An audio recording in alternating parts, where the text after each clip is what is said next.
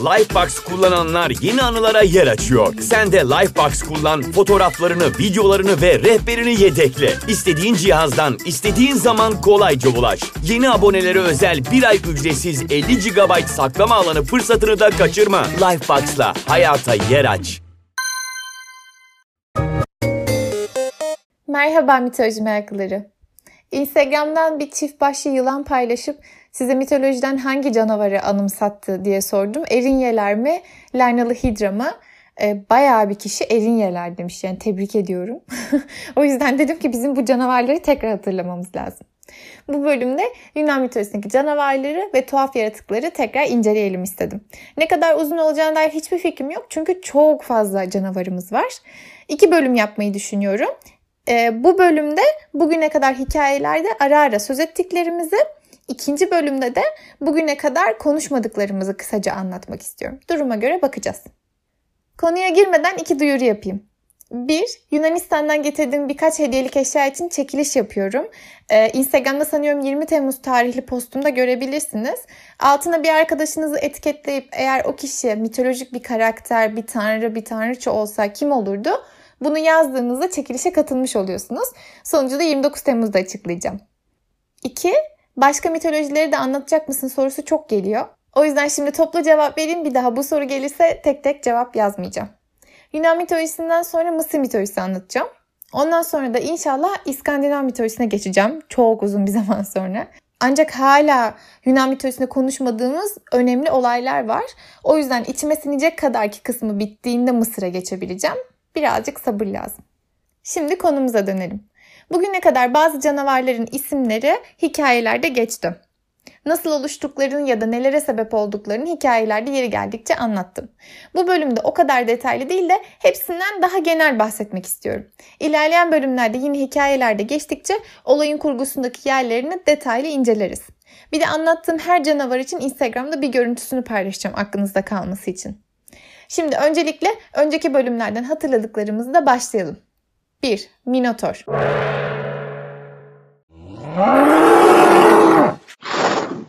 Belden yukarısı boğa, belden aşağısı insan olan canavar. Mitolojide yarı hayvan, yarı insan olan canlılar zaten biraz sıkıntılıdır. Hayvani özellikler de gösterdikleri için daha vahşilerdir. Bir tek bilge sentor Kiron bir istisna. Onun dışında diğerleri bu şekilde. Hele ki hayvan olan kısmı belden yukarısıysa daha da fena. Çünkü kafası yani düşünme şekli hayvani demektir. Minotaur'un da belden yukarısı boğa olduğu için bayağı tehlikeli bir yaratık. Minotaur'a özel bir bölüm yapmıştım ama kısaca hatırlayalım. Girit kralı Minos'un karısı cadı nimpa Pasipe'ye bir boğaya aşık olur ve ne yapıp edip onunla çiftleşmenin yolunu bulur. Bu birliktelikten Minotor doğar. Ancak Minotor çok vahşidir. İnsan yer ve onu doyurmak çok zordur. 2. Skyla Söylenceler Skyla'nın nasıl göründüğüne dair ikiye ayrılıyor. Bazıları onun belden yukarısının güzel bir kadın, belden aşağısının canavar olduğunu söylüyor.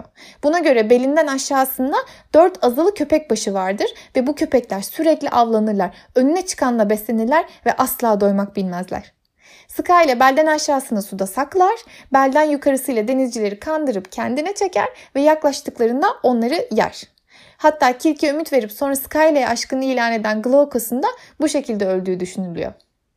Diğer söylencelere göre ise Skyla'nın tüm vücudu canavar şeklindedir.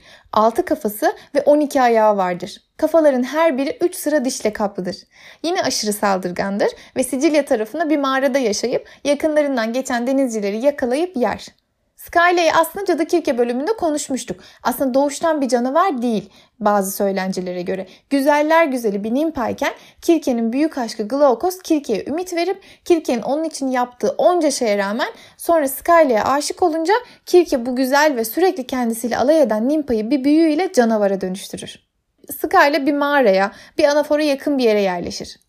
Anafor aslında bildiğiniz bir şey. Yani hani böyle denizde burgaçlar oluşur, hortum gibi etrafındaki şeyleri içine çeker ya. İşte ona anafor deniyor. İşte Skyla'nın yakınına yerleştiği anaforda ünlü Karbidis anaforu. Oradan geçen denizcilerin çok fazla bir opsiyonu yok. O yüzden maalesef bu anafora yakın geçmek zorunda kalıyorlar. Ama bir yandan anafor tehlikeli bir şey zaten. Hele bu karbidis daha tehlikeli çünkü her gün 3 kez çevresinde ne varsa yutar. Sonra da yine günde 3 kez yuttuğu ne varsa kusar. Yani dışarı püskürtür. O yüzden denizciler anaforun ne yutma zamanına ne de kusma zamanına denk gelmemelilerdir. Anafordan çekindikleri için ondan birazcık öteye gitseler e, bu sefer de Sky ile mağarasında pusuda bekliyor. O yüzden yeterince yaklaştıklarında Sky ile onları yutar. 3. Medusa Saçının binlerce teli Yılanların acı dili Hem ifritsin hem de peri Lanetin gecelerinde yara Medusa Onu anlatmama gerek yok artık diye düşünüyorum. Hepiniz biliyorsunuz. Bakışları göreni taşa çeviren yılan saçlı kadın. Hatırlamayanlar Medusa bölümünü dinleyebilir. Bazı kaynaklara göre Medusa'nın böyle olmasının sebebi bir gorgon olmasıdır ve tüm gorgonlar aynı şekildedir. Bazı kaynaklarsa Athena'nın onu böyle bir canavara dönüştürdüğünü anlatır. 4. Kerberos Hades'in üç başlı köpeği, ölüler diyarının bekçisi. Biliyorsunuz ölü olmayanların onu atlatıp kapıdan geçmesi çok zordur. Çünkü Kerberos vahşi ve azgın görünümlü bir köpektir ve çiğ et yemeye bayılır. Ama ölü olup ölüler diyarında dolaşanlara zarar vermez. 5. Sirenler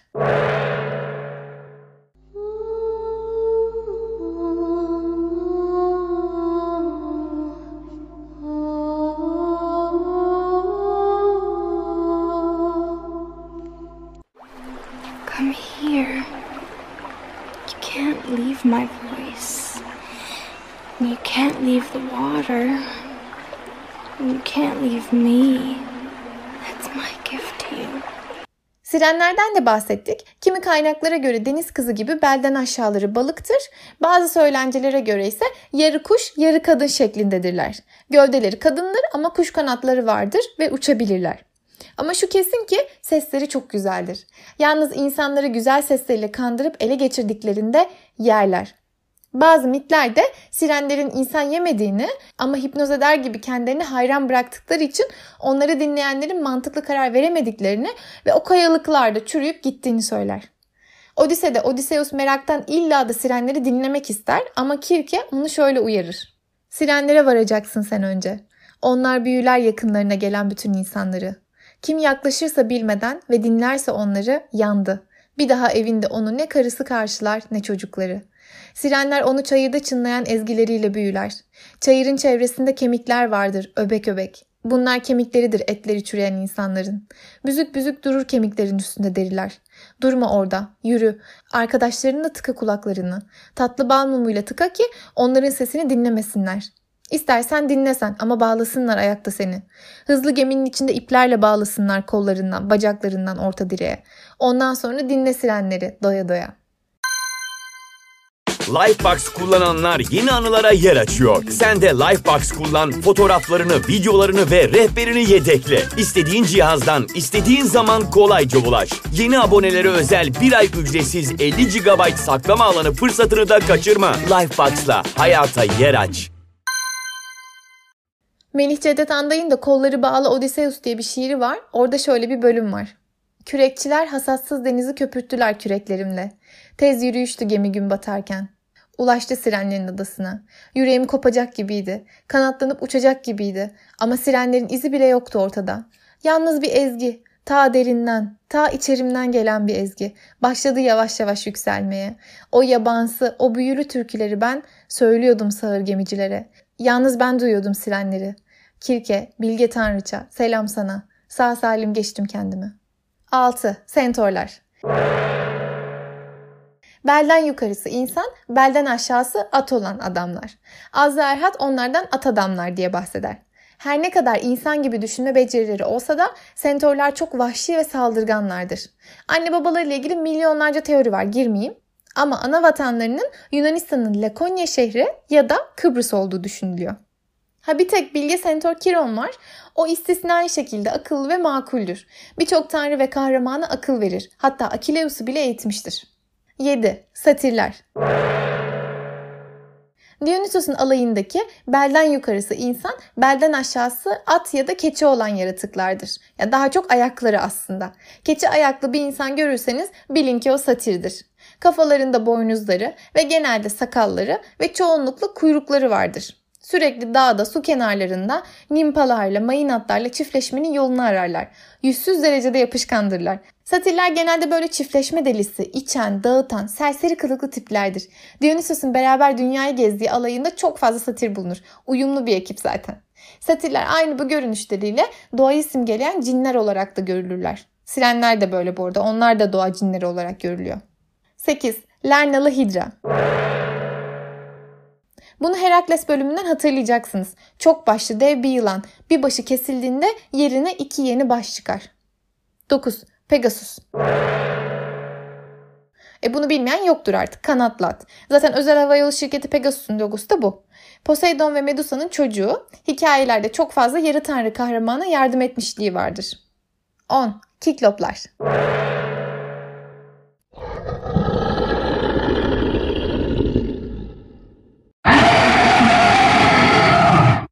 Tek gözlü devlerdir.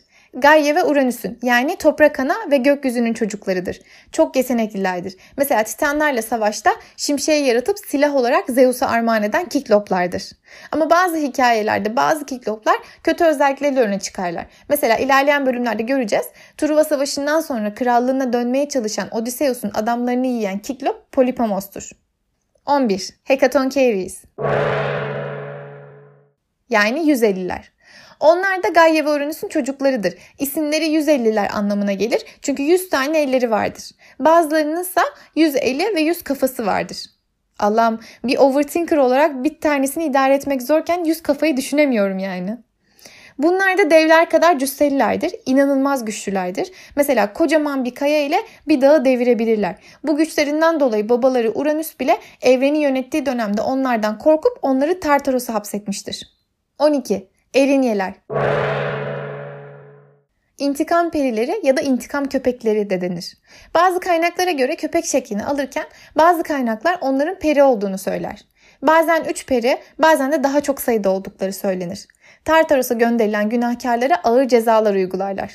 Kamçı ve yılanlarla işkence yaparlar. Mesela bir gölge aç aç acı çekerken bazen önüne yemek konur ve erinyeler onun yemeğe ulaşmasını engellerler.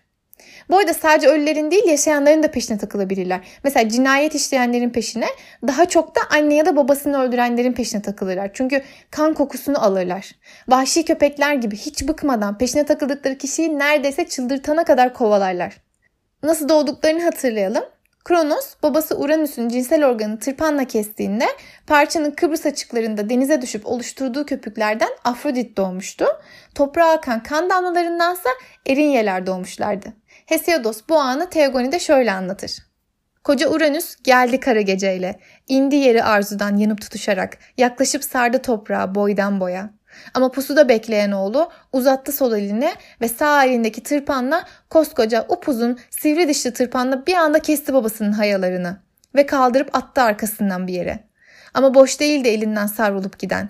Kanlar fışkırıp saçıldı içinden ve hepsi gömüldü kaldı toprağın bağrında ve bunlardan gebe kalan toprak yıllar sonra doğurdu Yaman erinyeleri, öç tanrıçalarını. Bu arada minik bir bilgi, Yunanlar çakallık yapıp doğaüstü yaratıkları bile kandırabileceklerini düşünmüşler. Erinyelere sonradan Eumenides yani iyi niyetliler demişler ki bu intikam perileri kendilerine verilen bu güzel isimden etkilenip onları bu kadar işkence etmesinler. Benzer bir isim çakallığının da Karadeniz için yapıldığını söyler Azerhat tehlikeleriyle ünlü deniz Karadeniz'e aynı mantıkla Pontus Euxenos yani konuksever deniz demişler. 13. Ladon